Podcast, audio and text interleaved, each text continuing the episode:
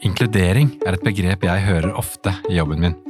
Det er til og med nevnt i navnet på forskningssenteret jeg jobber for. Jeg vet jo hva det betyr, men allikevel syns jeg det er litt vanskelig å få ordentlig tak på hva det egentlig innebærer. Det skal jeg prøve å finne ut av i denne episoden. Podkasten er produsert av SpedAmes, Senter for spesialpedagogisk forskning og inkludering, og er finansiert av Forskningsrådet.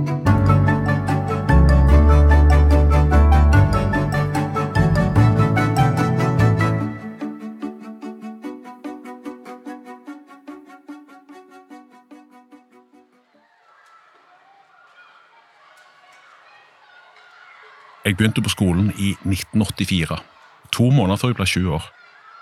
Jeg hadde store briller som dekte halve ansiktet.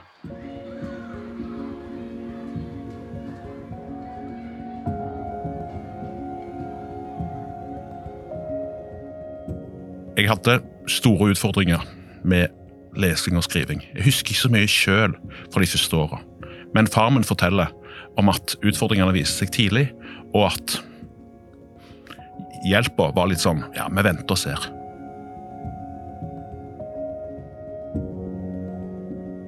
Fra ca. fjerde klasse husker jeg mer sjøl. Men det jeg husker best, er mobbing og slåsskamper. Ja, jeg var et mobbeoffer så det holdt, og noe av grunnen var nok at jeg skilte meg ganske ut. For jeg ble ofte ropt opp til ekstraundervisning. Fra lyttekroken. Ja, lyttekroken er vel et konsept jeg nesten må forklare.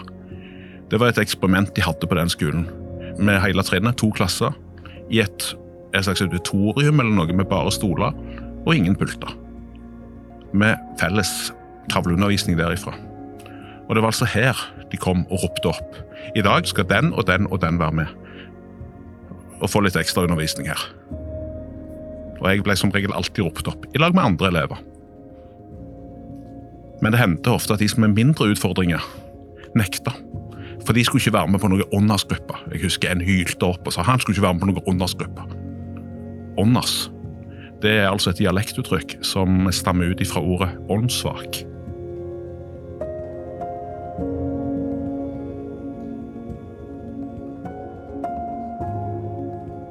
Barneskolen, sånn som jeg husker den, var preget av mobbing og slåsskamper, som jeg tidligere nevnte. Men òg i læringssituasjonen, med mine utfordringer, der lesing og skriving var en kjempeutfordring, i tillegg til at jeg sleit med konsentrasjonen. Antagelig mest pga. at det var så urolig med mobbing. og så, så ja, Det var en dårlig kombo. Når jeg begynte på ungdomsskolen, så hadde jeg såpass mye hull i kunnskapen at jeg ble tidlig anbefalt at eh, jeg skulle fritas for karakterer i norsk, engelsk og matte. Akkurat matten den skjønner jeg ikke, men norsk og engelsk forstår jeg veldig godt. Særlig skriftlig. Spesialundervisningen på ungdomsskolen var fortsatt tilfeldig og preget av eh, Ja, men det, det, som var greia der, var vel at det, det var én og to lærere som ønsket å gjøre noe, men jeg følte kanskje de ble litt motarbeidet. Men det var litt mer system i det. Men det var òg noen timer jeg ikke skjønte, for jeg ble satt sammen med spesielt én elev som hadde helt andre behov enn meg. Var på et helt annet intellektuelt nivå enn hva jeg var. Men det hang vel igjen at jeg var litt mindre begavet.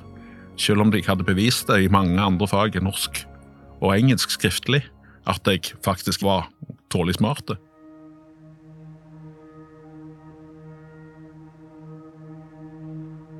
Når jeg skulle søke meg over til videregående, så ble det noen utfordringer. Av at jeg var blitt fritatt for karakterer i norsk, engelsk og matte, ble jeg liksom ikke tatt med i noen ordinære opptak og ble plassert i ei gruppe med elever som hadde langt andre utfordringer enn hva jeg hadde. Hadde ikke evnen til å lære seg bokstavene. Eh, det var ei trafikkskade som trengte hjelp til absolutt alt i samme klassen som meg.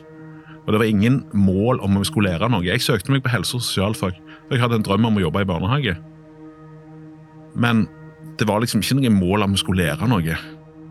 Det var tre år der vi gikk og surra. Jeg ble lei av å gå på skolen, så jeg fikk lov å jobbe hadde mye praksis, spesielt de to siste åra av videregående skole. Jeg gikk ut av skolen med papirer som egentlig ikke var verdt noen ting, verken i forhold til videre utdanning eller i forhold til jobb.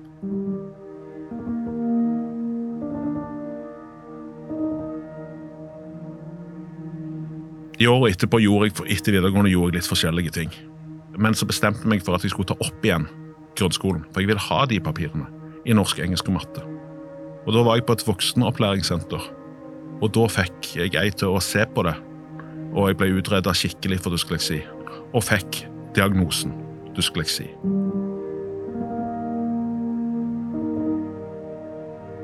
Det å få vite dette gjorde at jeg fikk et helt annet syn på meg sjøl, og fikk lyst til å prøve å se om jeg kanskje kunne få tatt en ordinær videregående, sånn som mange andre. Så etter at jeg hadde fått grunnskolen på plass, så begynte jeg med videregående opplæring gjennom et voksenopplæringssenter, det òg. Bare det å få diagnosen, og som en konsekvens av det klarte å fullføre en videregående utdannelse, ga meg veldig selvtillit. Jeg har iallfall fått til noe.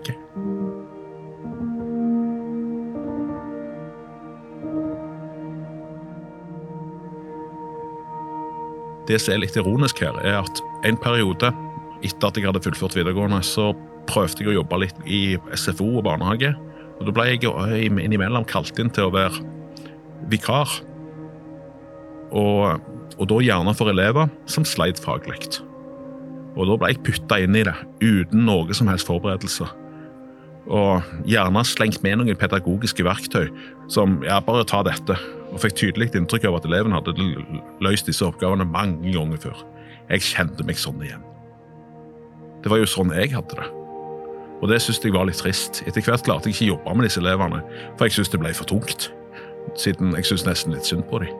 Og ville liksom ikke være den dårlige vikarlæreren som jeg sjøl hadde opplevd.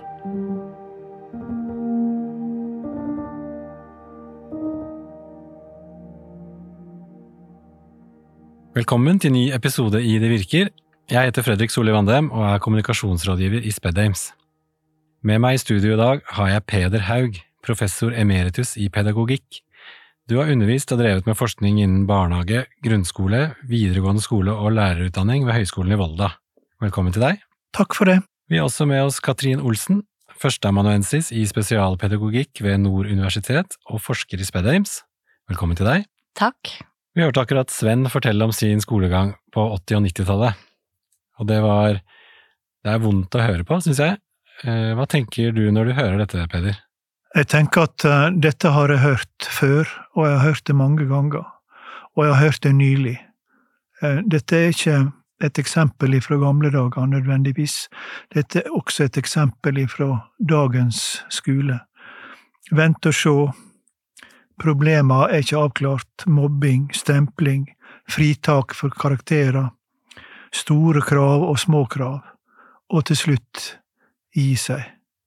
Heldigvis så er vi veldig mange eksempel på at elever som har hatt det slik som han, faktisk får det til, og klarer å ordne livet sitt, men da har de kanskje hatt flaks. Eller kanskje de har hatt ressurser som de ikke har visst om. Du da, Katrin, hva tenker du? Jeg tror det er mange som kjenner seg igjen i denne historien, og at det finnes mange eksempel på det i, i dag også. Eh, og så beit jeg meg merke i at han også sa det her med at han har jobba som assistent eh, uten å ha utdanning med unger med spesialpedagogiske behov, og det tror jeg òg er litt sånn typisk, eller det viser jo forskninga at eh, de ungene som trenger det mest, eller trenger mest kompetanse, får minst. Vil dere si at eh, dette er et eksempel på ekskludering? Jeg vil si at eh, det er et veldig godt eksempel på ekskludering. Ja, for denne episoden den skal jo handle om inkludering, og som vanlig så vil jeg begynne litt i det grove. Kort forklart, Peder, hva er egentlig inkludering? Det er faktisk ikke mulig å forklare det kort, og grunnen er at inkluderingsordet er brukt om så veldig mange ting i eh, både faglitteraturen og i debattene. Så ordet er veldig vanskelig å definere. Men hvis vi går til kilden, som er Salamanca-erklæringa fra 1994, som definerte inkluderende opplæring som et ideal, så stiller de krav til at elever og barn skal være i et fellesskap. De skal være deltakere i dette fellesskapet, og fellesskapet skal være et det vi kaller naturlig fellesskap. Det skal altså ikke velges ut folk som skal få lov å være der, og andre som ikke skal få lov å være der. I dette fellesskapet skal det være medbestemming, og ikke minst så skal dette fellesskapet være med på å gi de som er i fellesskapet, faglig og sosialt utbytte. Dette er liksom hovedsaka, hovedramma om det. Men så veit vi at eh, de historiske forutsetningene både i ulike kommuner, på ulike skoler, barnehager og ikke minst i ulike nasjoner, gjør at en forstår disse tilnærmingene veldig forskjellig. Og det er en av forklaringene på den store variasjonen. Og en annen forklaring er det jeg kaller slurv. At en rett og slett bruker begrepet altfor ukritisk. Hva tenker du på med slurv? Ja, At en rett og slett ikke setter seg inn i hva dette ordet faktisk betyr. Eh, og Et godt eksempel på det er at hvis en bruker de politiske dokumenter om barnehage og skole som utgangspunkt for omgrepet, da blir en forvirra. For der er omgrepet eh, brukt veldig ukritisk og veldig variabelt. Skal en finne gode forklaringer på omgrepet, så må en inn i faglitteraturen, og inn i den gode faglitteraturen. Når var det inkluderingsbegrepet ble innført i spesialpedagogikken i Norge? Ja, Det er et veldig godt spørsmål, for eh, en kan jo diskutere om det er innført. Men eh, det formelle tidspunktet er altså 1994, med Salamanca-deklarasjonen eh, i UNESCO, som Norge har skrevet under. Og den handler altså om at Norge slutter seg til at all opplæring skal være gjort innenfor et inkluderende perspektiv. Og så ble dette da skrevet inn i læreplanverket for Reform 97, og det ble skrevet inn i læreplan, eller rammeplan for barnehagen, eh, i 2006.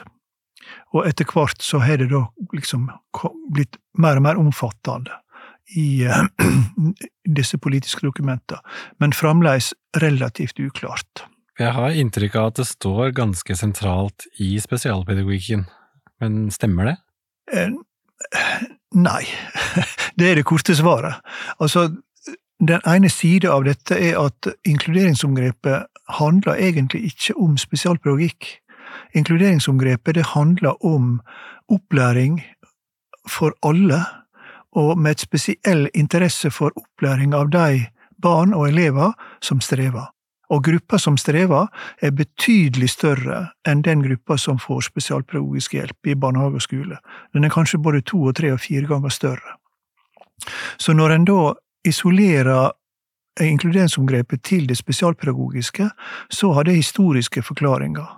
Fordi inkluderingsomgrepet erstatta integreringsomgrepet, som var det sentrale i barnehage og skole fra 1975 av og så bare drar en med seg disse forestillingene over i inkluderinga.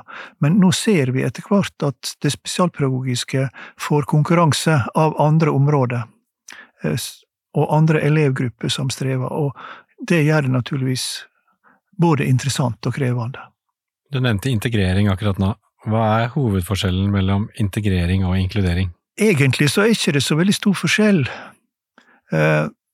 Eh, Hensikta med integreringsbegrepet var jo å lage eh, ei opplæring som skulle fungere for alle i en sosial fellesskap. Men integreringa blei veldig fort redusert til plassering. At eh, barn og elever blei plassert i barnehage og skole, vanlig skole, og skulle få opplæringa der. Og da blei det slik at er du plassert i vanlig gruppe eller klasse, så er du integrert. Og da faller veldig mye av det andre som faktisk integrering også handler om, nemlig være en del av noe, være deltaker i noe, få utbytte av noe, det faller bort. Og dermed så måtte en legge det begrepet bort og innføre inkluderingsomgrepet. Og det interessante spørsmålet er jo om en forandrer på omverdenen og virkeligheten ved å bytte ord. Og jeg moroer meg med å tenke, hvis den gamle folkevogna får et nytt navn, Rolls-Royce, blir det da ei bedre folkevogn? Integrering det handler jo da om at eh, ifra at unger med spesialpedagogiske behov kom fra eh, spesialskole, spesialbarnehage og skulle over i vanlig barnehage og skole, så var det begrepet inkludering som ble brukt, som han Peder sier her. Og eh, så ble det da etter at eh, den Salamanca-erklæringa kom som eh, da eh, brukte ordet inkludering også. Og, det, og, så har man i ettertid da brukt ulike, lagt ulike ting i de begrepene, som at inkludering er å være i samme kontekst, mens inkludering er mer det her med sosial deltakelse og tilhørighet og medbestemmelse. Og, så det har jo egentlig endra seg med tida òg, det begrepet. Sven, som vi hørte i begynnelsen av episoden, han opplevde svært liten grad av inkludering, kan man si. Men hvordan ser det ut i dag, er vi gode på inkludering i norske skoler og barnehager? Det står mye igjen før en kan være fornøyd, og det er veldig stor variasjon mellom eh, ulike institusjoner. Og det en må være klar over, er at utfordringene med å få dette til i praksis er veldig store. Det er ikke et lite grep som skal til. For å gjøre det enkelt, en må vite hva inkludering er. En må ville det. En må kunne det. Og ikke minst så må en få det til. Og det å få dette til i praksis er veldig utfordrende. Eh, det er veldig farlig å tenke at når vi nå har formulert det inn i rammeplaner og etter hvert også i lovverket, så blir det realisert.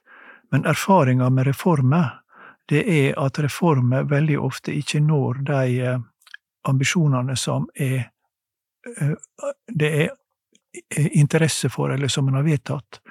Så jeg bruker å sitere tittelen på ei bok for å illustrere dette, og den heter So much reform, so little change. Og det er utfordringa også her. Ja, vi har jo lite forskning på det i Norge, og, men det vi har forskning på, det er jo kvalitet i eksempel norske barnehager, og det her store godbanestudiet, da, som viser at det er store eh, variasjoner i kvalitet i norske barnehager. Og det å lage et inkluderende eh, opplæringstilbud er jo i stor grad det samme som å ha kvalitativt gode tilbud. Så man kan derfor anta at eh, hvor gode vi er, det varierer i stor grad. Eh, både imellom den enkelte eller mellom de ulike opplæringskontekstene, men også i den enkelte skole og barnehage. Eh, og det er mange mindre kvalitative studier som viser at mange barn med spesialpedagogiske behov, de eh, deltar sosialt i mindre grad enn andre barn gjør, og at eh, de ofte er på, på utsida av sosiale, i det sosiale samspillet. Eh, samtidig så vet vi også at ulikhetene blant barn i Norge har økt. Eh, og da har vi ei større gruppe som også er sårbar for inkludering, som for eksempel minoritetsspråklige barn og barn med lav sosioøkonomisk status. Eh, og det er også da grupper som, som er utsatt for ekskluderende prosesser da, gjennom utdanningsløpet. Eh, det er også forskning som viser at eh, en del barn med kjønnsinkonkurrens eh, også er utsatt for ekskludering. Sånn at det vi ser er jo at det er store avstander mellom ideologi og praksis, og at det er mange som enda ikke får det opplæringsbehovet som de har krav på. Og med at mangfoldet har økt, så kan det også utfordre skoler og barnehager i arbeidet med å lage gode tilbud. Hvis man ser for seg en skoleklasse, for eksempel, hvordan ser et vellykket inkluderende læringsmiljø ut der, Peder? Ja, det kan En kan beskrive det gjennom disse fire omgrepene som jeg var innom i stad. Eh, I ei klasse som er preget av inkluderende læringsmiljø, så er fellesskapet et veldig tydelig signal at fellesskapet fungerer, at alle er med. Men i tillegg til at alle skal være med i fellesskapet, så skal de også ha en funksjon der. Og Da skal de altså være deltakere. Og Det betyr at de skal yte til fellesskapet, og de skal få av fellesskapet, og at det skal være skal si, et, godt, et godt klima. Det som er viktig, er at en unngår at noen blir tilskuere, og andre blir deltakere. Eh, de som under integreringsbegrepet blei plasserte i klasse og gruppe, de blei tilskuere veldig ofte. Og når du er tilskuer, så blir verdien av å, å, være i disse gruppene langt mindre. Så er det ganske viktig at eh, medvirkning er et sentralt element. Medvirkning i norsk opplæringslovgivning har fått auka merksemd de siste åra. Og i det siste så har vi også fått begrepet barns beste som et omsyn som skal telle med. Og alt dette handler rett og slett om at eh, et inkluderende læringsmiljø skal være demokratisk. Og det er en veldig stor utfordring, for et demokratisk system kan ikke tillate at alle får sitt slik som de vil.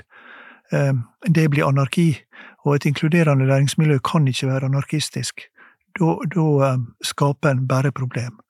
Men det betyr at når en har meningsskilnader og ulike opplevelser, så må systemet, altså barnehage og skole, ha en måte å kommunisere på som er tillitsvekkende, tillitsskapende, slik at når du ikke får det som du vil, så er forklaringene og grunngivingene så gode at du aksepterer det. Og så er det det siste elementet, utbytte. Og utbytteelementet i inkluderende opplæring mener jeg på mange måter er det aller mest sentrale sosialt og faglig utbytte, for det er det sosiale og faglige utbyttet som legitimerer både barnehage og skole i stor grad. Og skal vi lage en inkluderende eh, institusjon, så må utbyttet være med. Så poenget er at alle skal få noe igjen for å være der. Eh, til forskjell fra den integrerte plasseringa, da plasseringa var nok og utbyttet ikke var sett på som vesentlig i det hele, mange plasser. Når vi nå snakker om inkluderende opplæring, Går det an å lage en felles plan for inkludering som fungerer for alle? Nei, det er helt umulig.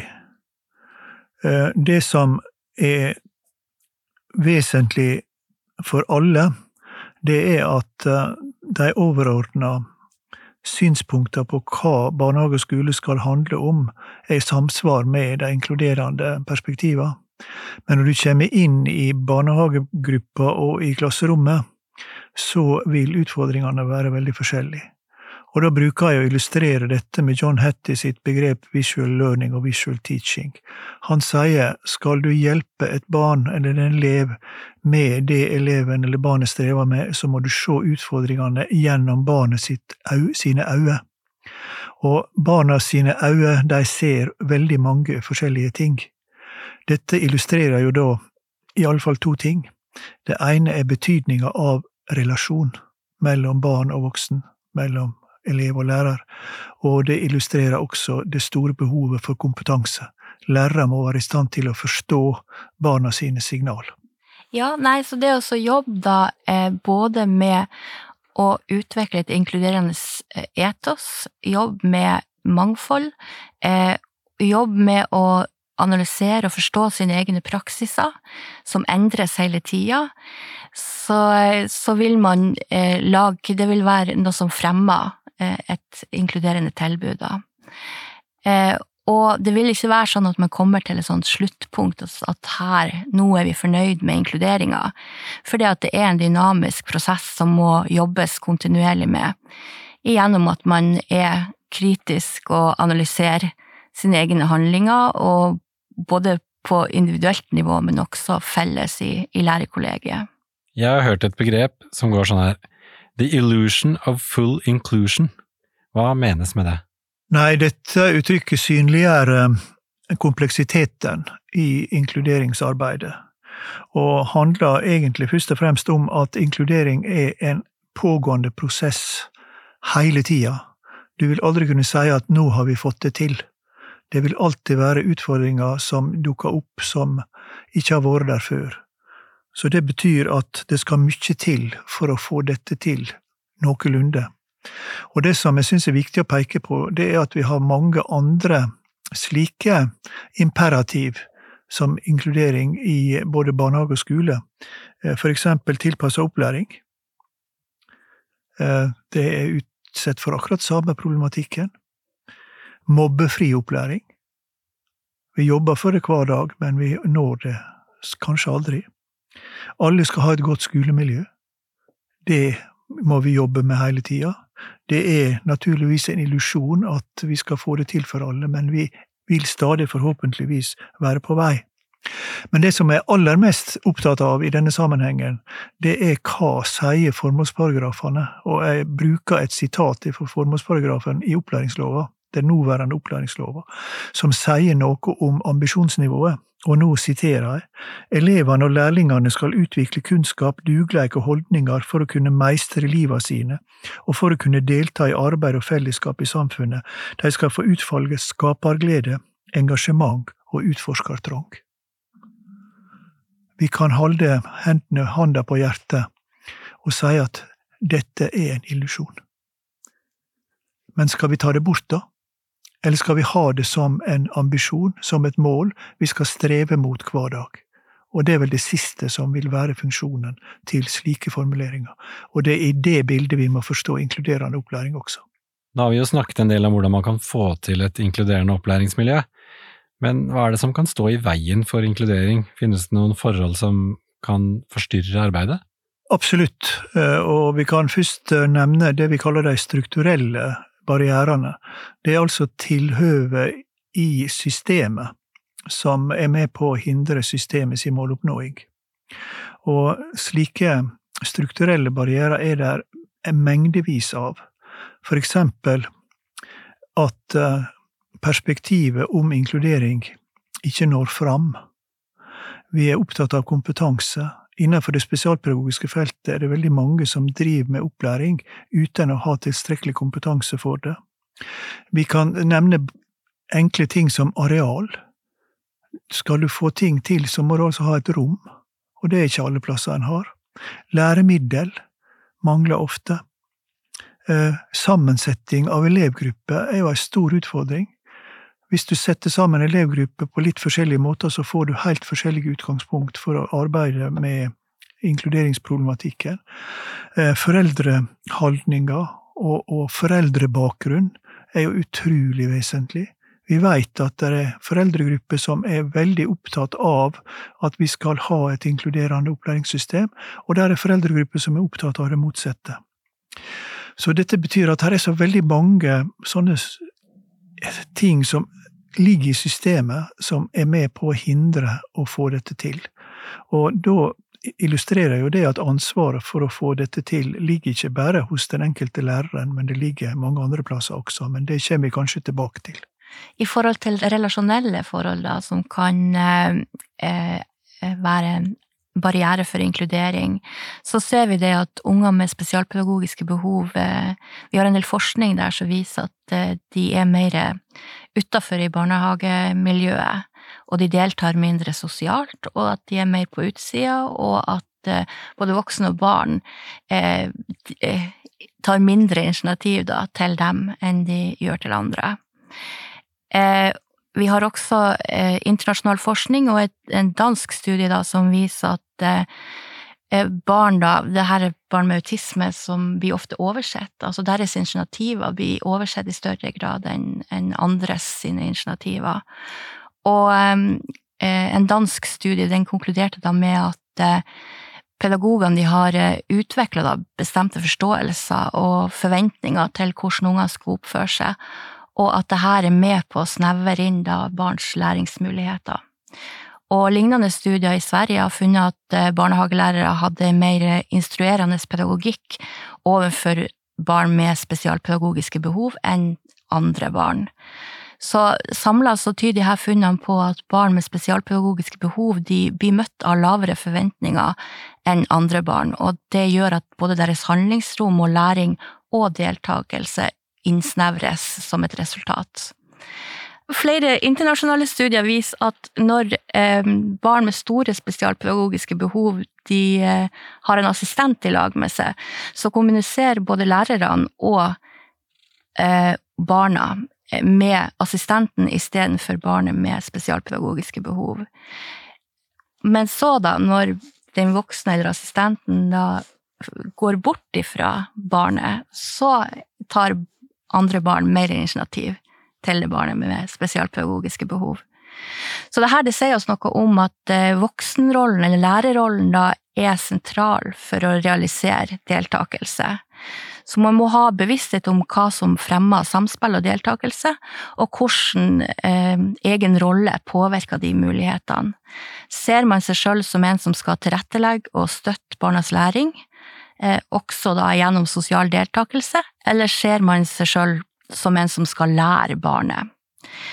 Eh, I dette er det også viktig å huske barnet sin medbestemmelse, som nå blir styrka i ny opplæringslov. Og dette gjelder alle barn, men medbestemmelse det er veldig viktig for barn med spesialpedagogiske behov i opplæringssammenheng. For å oppleve seg sjøl som en som kan påvirke bestemmelser, og det å være en deltaker, og det å lære å ta valg og føle mestring. Men hvem er det som har ansvaret for å skape dette inkluderende opplæringsmiljøet? Er det den enkelte læreren, eller hvem er det? Dette er et ansvar for alle som eh, har relevans for opplæring. Det betyr at statsministeren er en vesentlig person her, sammen med alle andre aktører som har med barnehage og skole å gjøre. Eh, det som er et slags tankekors her, det er at tilslutninga til inkluderende opplæring den er større jo lenger vekk fra barnehage og skole du kommer, når vi spør. Men de som er langt vekke fra barnehage og skole, er ikke de fremste aktørene i å fremje barnehage og skole i inkluderende perspektiv, og det må de bli, skal vi få trua på at dette skal gå bra. Så jeg etterlyser eh, nyttårstalen for statsministeren at han er veldig opptatt av det inkluderende perspektivet, og at dette blir ei felles sak for alle. For når alle løfter i flokk, da er det mulig å få dette til. Og så er det naturligvis slik at lærerne og personalet i barnehage og skole har et særlig ansvar, for det er de som står i møte med barna hver dag, og deres handlinger har naturligvis veldig mye å si. Så det betyr at kompetansen til å få dette til i praksis, må de få. Og det stiller igjen ekstra krav til den opplæringa som dette personalet har fått. Og det er et krav som en da enkelt kan knytte til lærerutdanninga, og når en knytter det til annet lærerutdanninga, så knytter en det også til Utdanningsdirektoratet og til Kunnskapsdepartementet. Og så ser vi at det henger sammen, det hele. Nei, og så tenker jeg at det må være en sterk forankring av det arbeidet som gjøres både hos barnehage- og skoleeier, og hos leder eller rektor da, på hver enkelt skole og barnehage, eh, som gjør det mulig å jobbe med inkludering gjennom både organisering av lærerteam, lærernes møter, kompetanseheving, det å se på muligheter i forhold til organisering av klasserom, eh, jobb tverrfaglig, hvordan man kan organisere eh, med tolærersystem, for eksempel. Eh, og se på også alternative måter å organisere undervisninga på. Og hver enkelt lærer har et etisk og lovmessig forpliktelse, men for å få til en inkluderende skole, så må det jobbes i fellesskap. Én lærer kan ikke gjøre det alene. Men er det noe man kan gjøre overfor barna for å skape mer åpenhet og mangfold? Eh, flere undersøkelser tyder på at eh, hvordan elever eller barn da blir eh, inkludert, har sammenheng med hvordan de oppfattes av andre barn. Og det er viktig da, for suksessfull inkludering. Og forskning har funnet det at når andre barn i konteksten da har fått informasjon om hva barna har behov for av hjelp, og hvordan de kan kommunisere med barnet, så fører det til at barna samhandler da mer med barnet med spesialpedagogiske behov. Eh, flere forskere hadde sluttet seg til det at eh, lærerne bør bruke mer tid på å gi barna i barnehagen mer kunnskap da, om hva barn med spesialpedagogiske behov trenger hjelp til. Eh, for å få dette til, så må man jobbe med å skape ei åpen og raus holdning Eh, til mangfold både hos lærerne eh, og hos barna. Og i barnehagen så vil dette arbeidet fremmes gjennom at man jobber med å øke barns kunnskap og bevissthet på at vi er forskjellige, og at forskjellighet er bra. Eh, aksept for forskjellighet det beriker livet vårt, og det er en essensiell del av vårt demokrati. Og i barnehagen så kan man jobbe systematisk og kontinuerlig med å utvikle egne og barna sin bevissthet rundt det her. Og da kan man jo starte med å snakke og jobbe med at vi kommer fra ulike plasser, at vi ser ulike ut. Noen er kort, og noen er lang, og noen er lys, og noen er mørk. Vi liker forskjellige ting, og eh, noen trenger briller, og noen trenger hjelp til å lære å snakke. Eh, mens eh, noen andre trenger hjelp da, for å lære å være med på lek. Kort sagt så eh, må lærerne både i det de sier og i sine egne handlinger frem og skape en atmosfære som gir rom for og som anerkjenner alle. Eh, Dette det må det fokuseres på både gjennom barnehage, men også i skoleløpet. Ved hvilke typer vansker er det ekstra vanskelig å få til dette med inkludering? Ja, barn med autisme de har jo utfordringer med kommunikasjon og sosialt samspill.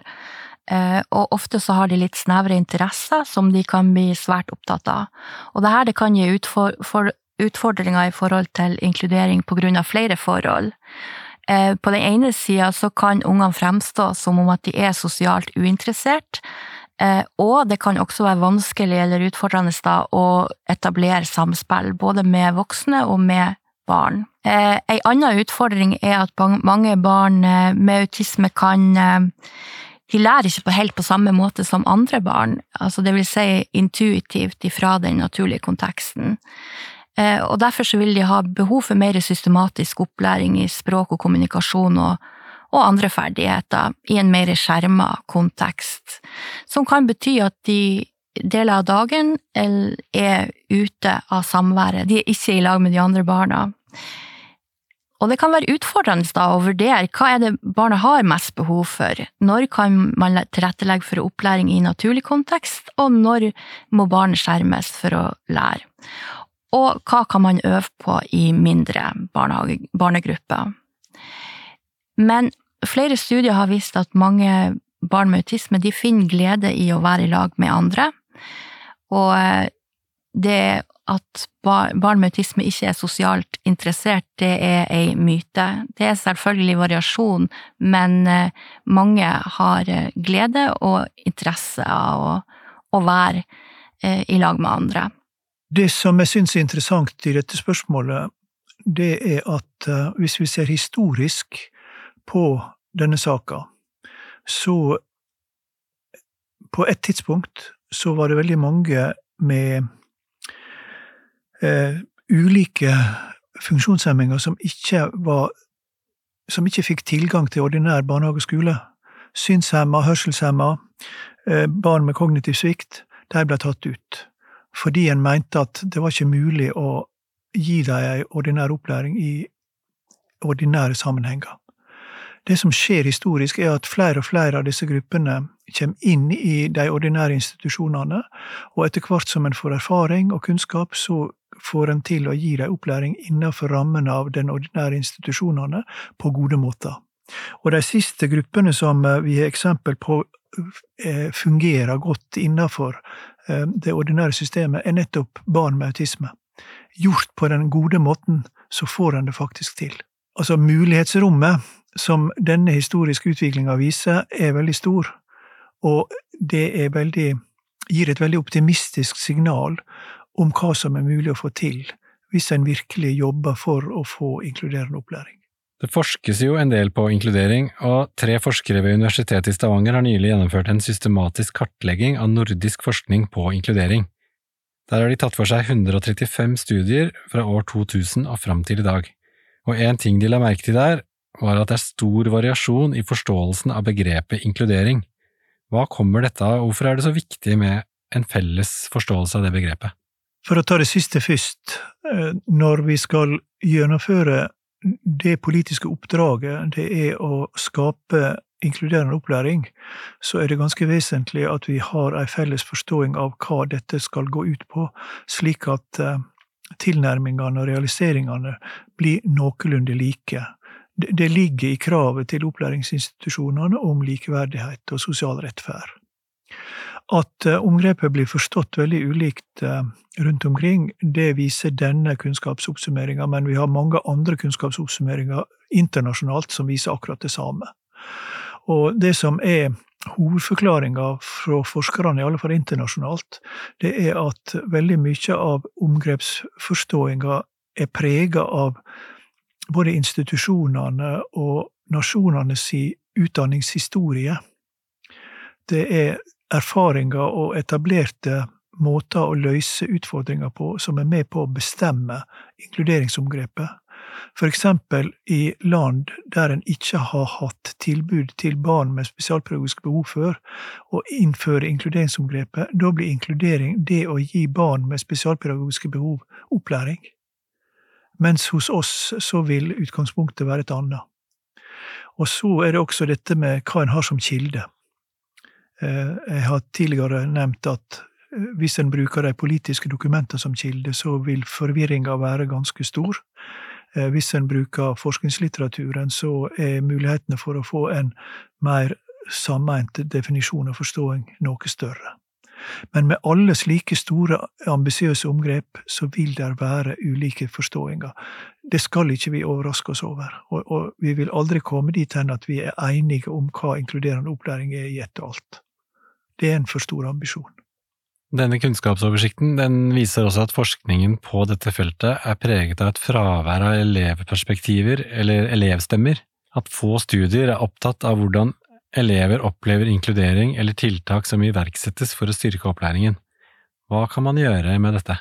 Ja, det er jo bare én ting å gjøre, og det er å um, få tak i elevstemmene. Eh, og dette resultatet når det gjelder inkluderende opplæring, det finner vi igjen på veldig mange andre områder innenfor opplæringssystemet. Det er like mye mangel på elevstemme innenfor den spesialpedagogiske forskninga, for eksempel. Og elevstemmene er vesentlige, og eh, vi ser i eh, opplæringslovssammenheng at elevstemmene skal ha en mye større plass, og hvis elevstemmene mangler, i saker, så er det faktisk eh, etter hvert å se på som lovbrudd. Og dette bør forskninga ta omsyn til, og eh, i større grad være opptatt av elevstemmene, sjøl om det forskningsmessig er veldig krevende. Nå må vi dessverre runde av her, men for å oppsummere, hva er det viktigste som må være på plass før vi har et godt fungerende og inkluderende opplæringsmiljø? Ja, jeg tror eh, det at skolen må legger vekt på å fremme og utvikle en lærende organisasjon der man har møtepunkter for å dele erfaring, ha fokus på inkludering, og det å utvikle en felles praksis. Så eh, er det selvfølgelig det her med kompetanse. Det ser vi i dag i norske skoler at det er utfordra, og både på, det generelle, men særlig da i forhold til barn med spesialpedagogiske behov. Så personalet sin kompetanse, bevissthet på sin egen rolle, og også bevissthet på å utvikle positive relasjoner til barn med spesialpedagogiske behov, der man har positive forventninger. Ja, jeg er samd i disse punktene. Eh, I tillegg så er jeg veldig opptatt av at eh, det å få et inkluderende læringsmiljø, det må være et prioritert politisk område det, det, må skrives inn i styringsdokumenter på en sånn måte at det skal være umulig for eh, opplæringsinstitusjonene ikke å oppfylle dette kravet. Det er veldig lett å love mye på dette feltet, men jeg er veldig opptatt av at eh, en må forplikte systemet. Og da er det utrolig vesentlig at det som vi kaller lederskapet innenfor opplæringssystemet, faktisk står i fronten og vil det. Tusen takk, begge to. I dag har jeg fått lære masse om inkludering, og med meg i studio har jeg hatt Peder Haug og Katrin Olsen. Tusen takk for at dere ville komme, begge to. Takk for at vi fikk komme. Hjertelig takk for å få komme og snakke om noe som jeg er veldig opptatt av. Denne podkasten er produsert av SPEDAMES, Senter for spesialpedagogisk forskning og inkludering. SPEDAMES er finansiert av Forskningsrådet og har et samarbeid mellom Universitetet i Bergen, Universitetet i Stavanger, Nord universitet, Universitetet i Agder og Universitetet i Oslo. Takk for at du hørte på.